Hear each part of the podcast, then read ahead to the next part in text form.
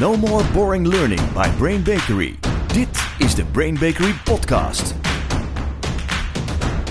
Welkom bij onze podcast. Yes. Ik ben hier met Sjane Bakker. Hi Jordi. Hi. Vandaag gaan we het hebben over het Pygmalion-effect. Yes. Ja, en het Pygmalion-effect was voor mij best wel confronterend, want toen ik eenmaal wist waar het over ging, ben ik anders gaan kijken naar de mensen om mij heen. Mm. En of je nou trainer bent, of dat je nou manager bent, of leraar, of vader of moeder. Ja. Ik denk zodra je dit weet, dat iedereen anders gaat kijken eh, Ja. naar de mensen om je heen. En daarom is het goed om dit te vertellen. ja, het is een hele verantwoordelijkheid die je er eigenlijk bij krijgt. Ja. Inderdaad, Dus, ja. dus dat is ook misschien gelijk een waarschuwing. Als mensen nu denken, nou, nog meer verantwoordelijkheid, hou maar op. Ja. Stop dan nu met luisteren. Ja, of ga gewoon lekker doorluisteren en, en verander het. Ja, dat, dat, dat zou natuurlijk wel beter zijn. Want Sorry. ik ga ook gelijk even zeggen, ik heb straks een fuck-up te delen met jullie allemaal. Ook Ja. over het Pygmalion-effect. Over het Gollum-effect. Oh, oké. Oeh, net even anders. Ja. Ja, maar voordat we verder daar naartoe gaan, ik wil eerst wel eens even weten, wat is nou het Pygmalion-effect? Heel goed. Het Pygmalion-effect is ontdekt door Bob Rosenthal in eh, de vorige eeuw. 1968 heeft hij dat ontdekt aan Harvard. En het kwam eigenlijk, zoals heel veel psychologische inzichten, kwam het als een ongelukje. En wat heel bijzonder is, hij kreeg dit onderzoek dat hij gedaan had, kreeg hij nergens gepubliceerd, omdat het zo magisch was, dat alle bureaus zeiden, dit kan helemaal niet. Dus hij heeft heel veel extra onderzoek moeten doen, voordat het echt gevalideerd werd. En sindsdien is het honderd keren over de hele wereld herhaald in allerlei branches. En het blijkt gewoon waar te zijn. Wat gebeurde er namelijk? Hij eh, was met Harvard was hij bezig. Hij was studenten aan het observeren in hoe zij met ratten werkten. En die ratten moesten door een doolhof. Oké. En op een ochtend dacht hij gewoon, nou weet je wat, ik schrijf, hij had twee kooien met ratten. Die ratten die werden gewoon in die kooien gedaan. Er werd geen onderscheid gemaakt tussen welke rat zit in welke kooi. Maar hij schreef op het ene bordje, bij het ene, de ene kooi schreef hij op eh, speciaal getrainde, specially trained, Ja. intelligent rats. En bij die ander schreef hij eh, dom en sloom. Oké. En ehm, toen ging die, die studenten aan de slag laten met die ratten. En te kijken hoe snel gaan ze door die mees. Hoe snel leren die ratten. En het verrassende was, en dat was wel shocking, dat de ratten waarvan de studenten dachten dat ze intelligent en speciaal getraind waren, het significant beter deden dan de ratten die gelabeld waren als dom en sloom. Wauw. Terwijl er geen verschil was tussen de ratten, hè? laat ik die nog even herhalen. Nul verschil. Nul verschil. Eerst vertrouwde hij dat natuurlijk niet. Dus toen is hij gaan kijken, zijn die studenten misschien zo rooskleurig naar de uitslag aan het kijken dat ze de uitslag per ongeluk manipuleren of zo. Ja. Maar dat bleek niet het geval te zijn. Dus hij herhaalde het en herhaalde het en, en sloot steeds meer uit en kwam erachter. Er is dus iets dat als studenten denken over ratten dat ze slim zijn en speciaal getraind, dat die ratten ook echt beter gaan performen dan ratten waarover ze dat niet denken. Eh, dat probeerde hij gepubliceerd te krijgen. Nou, lukte allemaal niet. Vervolgens heeft hij zelf bedacht van nou, ik denk dat het komt omdat mijn studenten die ratten die zij gelabeld zien als intelligent en speciaal getraind, net even anders aanraken. Dat ze iets anders met ze doen, terwijl ze we delen geen taal met de ratten, hè? Nee, ze spreken niet. Rattiaans of zo. dat die studenten zo met ze omgaan, waardoor die ratten denken, ah, ik ga het doen. Die hypothese gooide hij op. Nou, de- uiteindelijk schreef hij dat wel. eh, Schreef hij er een artikel over, want hij kreeg niet eh, de re- onderzoeksresultaten gepubliceerd. En dat werd eh, opgepikt door mevrouw Jacobson, Eleanor Jacobson. Ja. Zij was ehm, eh, hoofd van een school. En ehm, zij zei: Kom dit eens even toetsen, want stel dat mijn leerkrachten dit hebben. Kom dat eens even toetsen op mijn high school, op mijn lagere school. Wat ze deden was, na de grote vakantie, hadden ze alle leerkrachten verteld: Nou, weet je wat, we hebben hier een speciaal onderzoeksteam van Harvard. Ja. En die gaan IQ-tests afnemen bij alle kinderen. En eh, vervolgens gaan de kinderen die echt zeer waarschijnlijk het erg goed gaan doen dit jaar, die gaan gelabeld worden. Eh, en dan gaan we kijken hoe het gaat. Nou, wat ze deden was, ze namen inderdaad al die kinderen in IQ-test af. Die resultaten legden ze gewoon apart, hebben ze niet eens naar gekeken. En toen hebben ze met een muntje gegooid.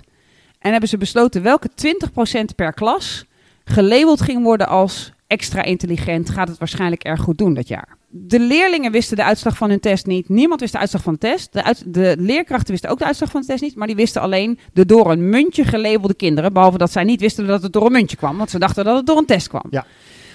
Vervolgens, en dit is wel echt een enorme shock. Vervolgens werd aan het eind van het jaar werd diezelfde IQ-test afgenomen. En toen waren de kinderen die gelabeld waren als potentiëlen, hè, high potentials, die waren met 27 was hun, met 27 pu- punten sorry, was hun, hun IQ gestegen. Wauw. En als je weet dat het gemiddelde IQ is 100, als je 127 hebt, ben je bovenmatig intelligent. Ehm, dan weet je dat 27 punten stijgen, dat dat ongelooflijk groot is. Ongekend hoog. Ja, dus dat was wel shocking. En eh, wat ook nog heel shocking was, vond ik zelf, is dat ehm, er een aantal kinderen met het muntje geselecteerd waren met een Mexicaans uiterlijk. Ja. En dat die nog een veel significantere stijging hadden. En de verklaring die hij daar later voor gaf is... kennelijk hebben we op deze school een soort beeld... of misschien wel in de maatschappij... het beeld van Me- Mexicaans ogende jongetjes... dat, eh, nou, dat kan niks, dat is dom. Ja. Eh, dus toen zij er op die manier werden uitgepikt... hadden zij nog een significantere stijging. Dus ook daar zit weer een bias eh, die interessant is. Holy shit. Ja. Dus dat is, dat is wel echt shocking dit. Ja. Wauw. Ja, dus, dus met een muntje opgegooid... blijk je ineens veel intelligenter... omdat de leerkracht een ander beeld van jou had. Ja, want dat is volgens mij waar Ja. het om gaat. Dat is de essentie, denk ik. Juist. Dus het gaat niet om, we hebben van tevoren gekeken wie is er nou wel goed of wie is er nou niet goed. ja. Maar het gaat juist om die leerkracht die het Juist. anders ziet. Ja, dus die leerling weet van niks. Nee. Die kan het niks schelen, maar die leerkracht gaat anders met hem om. En er zijn eigenlijk een soort vier fasen die, die, die Bob Rosenthal en die Eleanor ehm, Jacobson hebben onderscheiden. Ja. Die zeggen het begint dus in de mindset van de leerkracht. Maar ook, het is nu overal herhaald. Hè? Eh, volgens mij heb jij daar nog wel voorbeelden van. Ja, volgens mij ook in eh, ziekenhuizen Ja. is het gebeurd, in het leger. En wat Ja. ze bij het ziekenhuis hebben gedaan is dat eh, ze hebben gekeken naar de patiënten. Ja, En zodra de patiënten, dat je daar, dat je daar anders naar gaat kijken, dat ze sneller herstellen ten opzichte van de gemiddelde patiënt. precies. Dus dat is wel, dat, ja, Dus als een, verpleegkundige anders kijkt, Ja. dan gaat die patiënt zich anders gedragen. Nou, en, ja, dus eh, amazing. In, in het leger inderdaad ook heel veel tests gedaan van Ja. wie wordt er, wordt er uiteindelijk een hele goede soldaat en wie niet. Gewoon anders labelen. En als iemand via een ander label kijkt, beïnvloed je hem zonder Ja. dat je het weet. Ah, bizar. Ja. Dus dat is wel, ehm, eh, wel, wel, wel totaal shocking. Die vier fases kom ik nu even naar. Ja. Eerste fase is dus, ik ga mij een oordeel vormen als, als trainer, als L&D'er, als vader, als moeder. Ga ik mij een oordeel, of leerkracht, ga ik mij een oordeel vormen over deze leerling, deze persoon die in mijn omgeving is. Of als Ja. manager, deze persoon die voor mij werkt. Ik ga er een oordeel over vormen en dat oordeel, dat is een onbewust oordeel vaak. Maar als dat oordeel is, wow, deze kan wel eens heel groot worden, Dit moet hem zijn. dan gaat dat oordeel gaat vervolgens invloed hebben op mijn gedrag. Dus ik ga me anders gedragen. Ik ga anders reageren op vragen. Als er een mislukking is, ga ik daar anders mee om. Als ik hem al verwacht, dan dat Ja. ik hem niet verwacht had. Doordat ik anders met die persoon omga, gaat die, gaat die persoon zelf een ander beeld over zichzelf krijgen. Die gaat denken, oké, Shane of Jordi of mijn manager of mijn papa, die vindt mij heel goed hierin. Ja. hey, hey, bijzonder. En wat je dus ziet is dat ze dan eigenlijk een afstemming gaan doen op dat oordeel dat jij over ze hebt. Dat positieve of dat negatieve oordeel. En vervolgens gaan ze hun, zij hun gedrag weer aanpassen. En gaan zij zich daar, ze gaan er gewoon naar handelen. Ze gaan ernaar gedragen. En dan komt het weer bij jou terug. En in die zin is het cyclisch. Want dan denk je, nou, ik dacht al dat ze goed waren. Nou, nou, Kijk nou, kijk, Nee, het is nog echt waar zo. Ja. Dus je krijgt een soort hele grote spiraal omhoog. Ja. En helaas ook, als het, dat is misschien wel het tegengeluid, helaas ook een spiraal naar beneden. Ja, Als, daar, als het oordeel ne negatief daar kunnen we is. het nog straks even Daar over gaan we het straks over Ja. hebben. Ja. En nu we dit allemaal weten, Sjane, en, Ja. en ja, dit is nogal wat wat we hier zeggen. Ja. Maar wat kunnen we hier nou mee? Wat betekent dit nou eigenlijk? Ja, ja wat, wat dit betekent dus, is dat je als leerkracht, als manager, als papa, als mama, als, als iemand in jouw supervisie is, Mhm. hè, eh, opvoeder, Ja. ehm, dan, dan betekent het dus dat jouw beeld van die persoon maakt hoe groot die persoon kan zijn. Of hoe goed die persoon zich kan ontwikkelen. Wauw, dus als, als ik naar iemand kijk Ja. op een hele... Ik, ik zeg van, die is echt heel goed. Ja, Dan gaat diegene zich daar ook naar gedragen en zich ja ontwikkelen. als jij dus een soort autoriteitsfiguur voor hem bent. Ja, Hè, dus als, als ik jou zie als mijn manager en, en, en gaaf, dan, dan is de kans dat ik dat overneem heel groot. Ja. Eh, als ik een hekel aan je heb, heeft het ook invloed als ik gewoon onder jouw autoriteit val. Hè? Dus als jij mijn, hè, jij bent gewoon mijn leidinggevende, dan heeft hij altijd invloed. Ja. Ehm, maar bijvoorbeeld eh, als je kijkt naar vriendjes, dan heeft een, een eh, dat is ook onderzocht hè, van, van collega's die, die gelijk hiërarchisch niveau hebben, dan is het minder. Maar dan hangt het af van hoeveel waardering heb ik voor die persoon. Hoeveel, hoe, hoezeer kijk ik tegen ze op. Mooi. Maar dit betekent dus dat als jij leerkracht bent of trainer en je hebt een groep kinderen of mensen voor je, eh, kinderen zijn ook mensen, nou ja, volwassenen voor je, ehm, dan betekent het dus dat mijn beeld van hen gaat maken waar zij kunnen komen. Is En dat bizar? betekent dus dat ik aan mijn eigen mindset moet werken. als iemand niet goed gaat. Want als ik daarin ga geloven, ga ik daar namelijk in mee. Want dat is inderdaad de negatieve spiraal van het verhaal. De negatieve kant. Ja, Ja, Dat is het Gollum-effect. ja precies. Ja. Nou, laten we eerst nog even teruggaan naar het Pygmalion-effect. Ja. Want ik ben heel benieuwd, waarom heet dit zo? Ja, ja het, het wordt ook wel het Rosenthal, hè, naar Bob Rosenthal die het ontdekt heeft, eh, wordt het ook wel genoemd, het Rosenthal-effect. Ja. Ehm, maar hij heeft het het Pygmalion-effect genoemd. En dat komt uit, in de Griekse oudheid had je natuurlijk de prachtige mythes en verhalen. En eh, daar was een eh, meneer in en die maakte, dit was een beeldhouwer. En die maakte een beeld van een vrouw. En hij, ma- hij heeft daar jaren aan gewerkt, volgens de overleveringen. Hè. Ja. En dat had hij zo verschrikkelijk mooi gemaakt. Dat hij uiteindelijk dacht: ja, ik ben gewoon verliefd op deze vrouw. Ik hoef geen ander iemand meer. En uiteindelijk heeft hij ook de goden weten te bewegen dat ze dat beeld tot leven riepen enzovoort. Maar het gaat, eh, hij heeft het zo genoemd omdat dat beeld. Hij maakte een beeld van haar. Ja. En zijn beeld was zo mooi over haar. dat hij dat uiteindelijk tot leven riep. En dat is wat we dus doen hè, met het Pygmalion-effect. Als ik een heel mooi beeld van iemand heb. dan wek ik dus in die iemand. Dat is een heel enge machts iets. Bizar. Wek ik in die iemand, wek ik dat op, waardoor hij of zij daar naartoe stijgt. Ja, dus hij komt ook een soort van tot leven dan. Ja, of tot monster, want Tot- dat is het Gollum-effect. Dat is het Gollum-effect, ja. Ja, het Gollum-effect is natuurlijk al een paar keer gehoord en gezegd. Maar Ja. wat is dat nu dan eigenlijk, Shana? Ja, dat is dus precies hetzelfde, alleen dan met een negatieve mindset. Hè, Gollum was een, een monster dat eh, eh, de stad Praag die had bedacht... wij gaan een, een soort bewaker van onze stad creëren. En die noemden ze Gollum. Mhm. Alleen die keerde zich op een gegeven ogenblik tegen de stad. Dus in plaats van dat hij positief bedoeld was, werd het een monster. Eh, en inmiddels eh, heeft de Lord of the Rings eh, en Tolkien... die heeft natuurlijk dat Gollum eh, verwoord met dubbel L...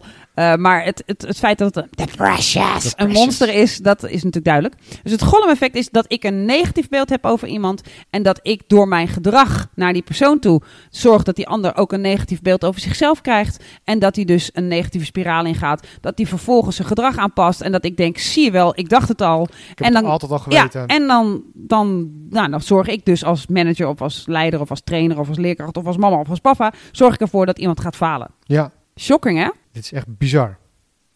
Nu we deze twee effecten weten, dus, Ja. dus zowel het Pygmalion-effect als het Gollum-effect, Ja. ben ik wel benieuwd, want ja, hoe vaak wordt dit nog toegepast? Want volgens mij weten heel veel mensen dit gewoon niet. Nee, dit is natuurlijk een verantwoordelijkheid die best wel eng is om te nemen. Ja, want, want als ik dus weet dat ik met mijn verwachtingspatroon over een ander, dat verwachtingspatroon over die ander waar aan het maken ben, als ik een hiërarchische functie boven hen heb, dan betekent het dat ik verantwoordelijk ben voor hun succes. ja, En het is natuurlijk wel makkelijker om te kunnen denken van ja, nou recruitment heeft de verkeerde weer aangenomen. Of ik heb in mijn klas heb ik natuurlijk een aantal slimme kinderen en een aantal domme kinderen. Nou, ik weet nu al wie de domme zijn. Nou, wat Ja. raar, het is nog waar ook. ja. Het is natuurlijk een soort veel makkelijker leven als ik die, die invloed die ik heb niet hoef te nemen. Als ik die verantwoordelijkheid niet hoef Nee, te nemen. Je neemt hem gewoon niet, je Nee. pakt hem niet. Nee, en het is ook misschien ook wel voor sommige mensen dat ze denken: is het niet arrogant om te durven denken dat ik zoveel invloed over de performance van een ander, over de skillontwikkeling van iemand anders heb? Dus die twee kan ik me allebei voorstellen. Wat ik wel weet is dat Rosenthal nog wel geïnterviewd is, ook jaren na eh 68 dat hij dat onderzoek had gedaan. En dat hij zegt: het is overal gerepliceerd, dit onderzoek. Iedere keer wordt het opnieuw aangetoond. Het werkt dus met ratten, Ja. maar ook met patiënten, maar ook met he- hoog intelligente mensen. Het werkt met leerlingen, het werkt overal op alles. Waarom doen we hier Precies. niet meer mee? Waarom, waarom is niet les 1 op de PABO het Pygmalion-effect? Kies je om ieder kind dat in jouw kerk komt, de komende, weet ik veel, 30, 40 jaar dat je voor de klas gaat staan, ga je waarschijnlijk honderden kinderen zien. Hoeveel Pygmalions creëer jij en hoeveel Gollems creëer jij? Ja. Ja, dat... Is toch, dat ik vind het echt bijzonder dat, dat daar niks mee gedaan wordt. Nee. Ik baal er ook wel gewoon eigenlijk. Ja, nou, ik denk dat er best initiatieven zijn, dat er ook wel wat gebeurt. Maar je zou dit in iedere basismanagementvaardigheden, iedere leerkracht zou hiermee bezig moeten zijn. Hoe kan ik mijn mindset over een ander veranderen? En hoe kan ik heel snel ontdekken als mijn mindset richting Gollum gaat? Ja. En kan ik dan zeggen, oké, maar wacht even, zo wil ik niet denken. En heb ik daar power over? En, en ik denk dat daar misschien ook wel een kleine verklaring in zit van wil ik verantwoordelijk zijn voor mijn mindset? Hè? Dat, dat, dat- of, of gebeuren er gewoon dingen en onderga ik het leven? Maar kost het, kost het dan heel veel moeite voor die mensen dan? Want dat denk ik wel. Hoe, hoe bedoel je? Nou, dat je je mindset positief moet gaan maken over degene die je voor je ziet. Ja, ja dat, wat betekent dus dat ik, dat ik een soort niet denk, jij bent zo en daarom vind ik dat. Maar dat ik verantwoordelijkheid neem voor, oké, ik weet dat jij 86 miljard hersencellen hebt. Ja. Ik weet dat jij eh, vader bent van twee geweldige kinderen en dat je die heel liefdevol opvoedt. Ik weet dat jij penningmeester bent van de lokale voetbalvereniging. Dus hoe durf ik te denken dat jij niet goed gaat zijn hier als medewerker in mijn Hornbach? Ja. Weet je, dat, dat zou ik niet mogen denken. Ehm, maar het is natuurlijk makkelijker om te denken van ja, maar ja, maar hij doet het al twee maanden niet goed en laat maar. Precies. Ja, Wow. dus het, het vergt een grote verantwoordelijkheid. Maar ik, ik denk dat ieder mens in staat is om te toetsen welke mindset heb ik over iemand. Welke verwachtingen liggen daar. Maar hoe pas jij dit dan toe? Want dat is best wel belangrijk om te weten, denk ik, voor iedereen. Ja, ik heb, ik heb er een theorie bij bedacht. En dat is, wat kun je doen als je ontdekt dat er een golem-effect ontstaat in je hoofd? Hè? Ja. Want wij mensen denken helaas in stereotypes. Ik heb de hele wereld rondgereisd en dan kom je in een land en dan ontdek ik ineens, wow, ergens, zonder dat ik het weet, heb ik meegekregen dat ik zo denk over de mensen uit dit land. Want ik vind hen niet intelligent, want zij zijn namelijk echt shocking. Ja. Dus, dus het, het voortdurend in onderzoek gaan naar hoe denk ik over mensen, dat is een hele interessante. Dan eh, probeer ik vervolgens eh, te onderkennen als er een golem zit Mhm. en die naar een eh, Pygmalion te doen. En wat ik ook doe is als ik groepen heb, dat ik bij mezelf alle deelnemers even op een rijtje zet, zeker als het een traject is. En dat ik kijk, oké, wie zijn mijn Pygmalions? Wie zie ik niet? En wie zijn mijn golems? En wat ga ik doen om niet nu te veroorzaken dat zij meegaan in mijn beeld over hun? Ja, Hoe kan ik dat ver- vervangen door een Pygmalion-effect? wauw. En dat is denk ik een hele zoektocht die nooit ophoudt. Maar ik denk dat iedere trainer dat zou moeten doen. Want anders ben je onbewust aan het golmen. Precies, wat ben je dan aan het doen? Ja. En je wilt juist iedereen beter maken. Ja, en dat ze dat juist, is waarom je het juist vak hebt. stijgen. Exact. Juist, ja. Ja. Maar eh Jordi, is het Ja. niet eh, tijd inmiddels voor jouw eh, kleine fuck-up?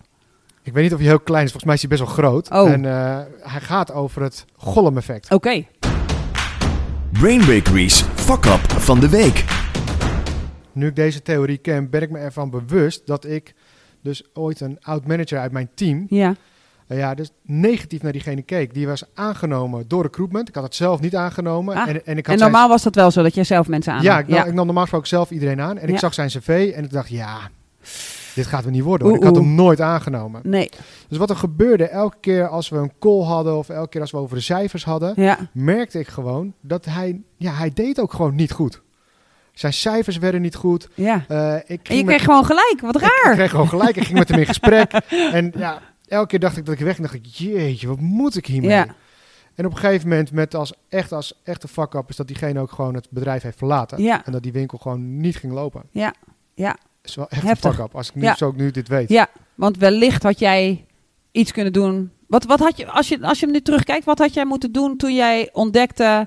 Oh, hij, hij zit in mijn golem. Eh, hij zit in mijn gollemhoek. Nou, wat ik had kunnen doen is, ik had hem veel meer aandacht kunnen geven. Ja. En ik had eh, met hem echt kunnen kijken, waar ben je nou echt goed in? En hoe kan ik dat nou aanzetten? Ja, Waardoor je dus zelf ook gaat stijgen. ja, want die, die effort heb je al niet meer gedaan, omdat je eigenlijk het al wist. Ik wist al dat Ja. hij niet ging slagen. Ja. Never nooit. Nee, nee. Dat zou je natuurlijk nooit hardop gezegd hebben, want je zei van, nou ja, ik sta er natuurlijk open voor dat hij Tuurlijk, slaagt. Tuurlijk. Maar in jouw gedrag zaten natuurlijk kleine signaaltjes die hij heeft opgevangen. Ja, en elke Ja. keer als hij aan de beurt was om te vertellen van, zo ging het, Ja, dacht ik, zie je wel? ja. Ah, dit gaat nergens Nee. over. Nee, dat is, dit is wel een, een mooie en een gave fuck-up. Cool dat je dat durft te delen Ja. eh, met, eh, met al onze duizenden luisteraars. Ehm, ik hoop ook dat het iets opent voor mensen om, om ook zo te durven kijken en, Ja. en je daarin kwetsbaar op te durven stellen en verantwoordelijkheid te nemen. Ehm, ik krijg ook wel eens de discussie die hier dan vaak nakomt van, oké, kan ik dan iedereen succesvol maken? Ehm, en mijn antwoord daarop is ja. Ja, En soms lukt het niet. Nee. Maar dan wil ik wel altijd voor mijn eigen nachtrust en gemoedstoestand wil ik weten, heb ik alles gedaan om te pygmalionnen? Ja. Heb ik alles gedaan om dat prachtige beeld van die persoon te creëren? En dan kan het soms nog zijn dat er een mismatch is. Of dat er een persoon ergens anders veel gelukkiger van wordt dan waar ik met hem of haar aan het, over aan het werk ben. Maar dan heb ik die effort wel gedaan. En hij mag nooit zonder te pygmalionnen, mag, Mhm. mag iets mislukken. nee, Ja. je kan gewoon jezelf 100% in de spiegel aankijken. Ja. Jij hebt er alles aan gedaan. Ik heb het getoetst. En eh, ik heb ook eh, natuurlijk, ik weet niet eh, of veel mensen dat weten, maar ik heb een coach altijd. En eh, ja, daar kan ik ook aan vragen van, wat maakt nou dat ik deze persoon niet succesvol ma- krijg? Hij heeft 86 miljoen hersencellen, eh, potentie van hier tot Tokio. Wat, wat ben ik aan het doen? Luister eens naar me. Hoe praat ik over hem of haar? Wat, wat doe ik? Kijk eens Ja. even mee om te onderzoeken, zit het in mijn beeld? Mooi dat je dat ook even deelt met ons. Ja. Tjana, nu we dit allemaal besproken hebben, Mhm. eh, denk ik dat het tijd is om hier eens een eindconclusie aan te verbinden. Hè? Want ja. ja. ik begon er al aan het begin mee. Iedereen zou dit moeten weten. Mhm. Want het is namelijk zo dat hoe ik naar de mensen om mij heen kijk, Ja. bepaalt of ze succesvol zijn of niet. Ja. En dat vind ik toch ja, echt wel shocking om te weten. Ja. En ik vind ook dat we dat echt allemaal moeten gaan toepassen, want dat gaat ons helpen. Ja, dus onderzoek je mindset, want je mindset maakt hoe je je gedraagt. Ja. Je gedrag voelt die ander. En zelfs ratten voelen dus, waardeer jij mij? Echt bizar. Eh, eh, als zelfs een rat dat kan voelen, dan voelt je kind of je leerling of wie dan ook voelt het. ja, je En, en ze gaan ernaar handelen. Ja. Hoe ze ook over je denken. Als jij in een, in een supervisieachtige positie over ze bent, dan gaan ze daarnaar handelen en ze gaan jou gelijk bevestigen. Ja, echt wel Ja. mooi dat we dit gedeeld hebben. Yes. Ja, dit was hem eh, voor deze keer. Shana, dankjewel. Dankjewel Jordi. Graag gedaan. En tot de volgende keer allemaal. No more boring learning. Dit was de Brain Bakery podcast. Wil je meer weten? Kijk dan op brainbakery.com of volg ons op onze socials.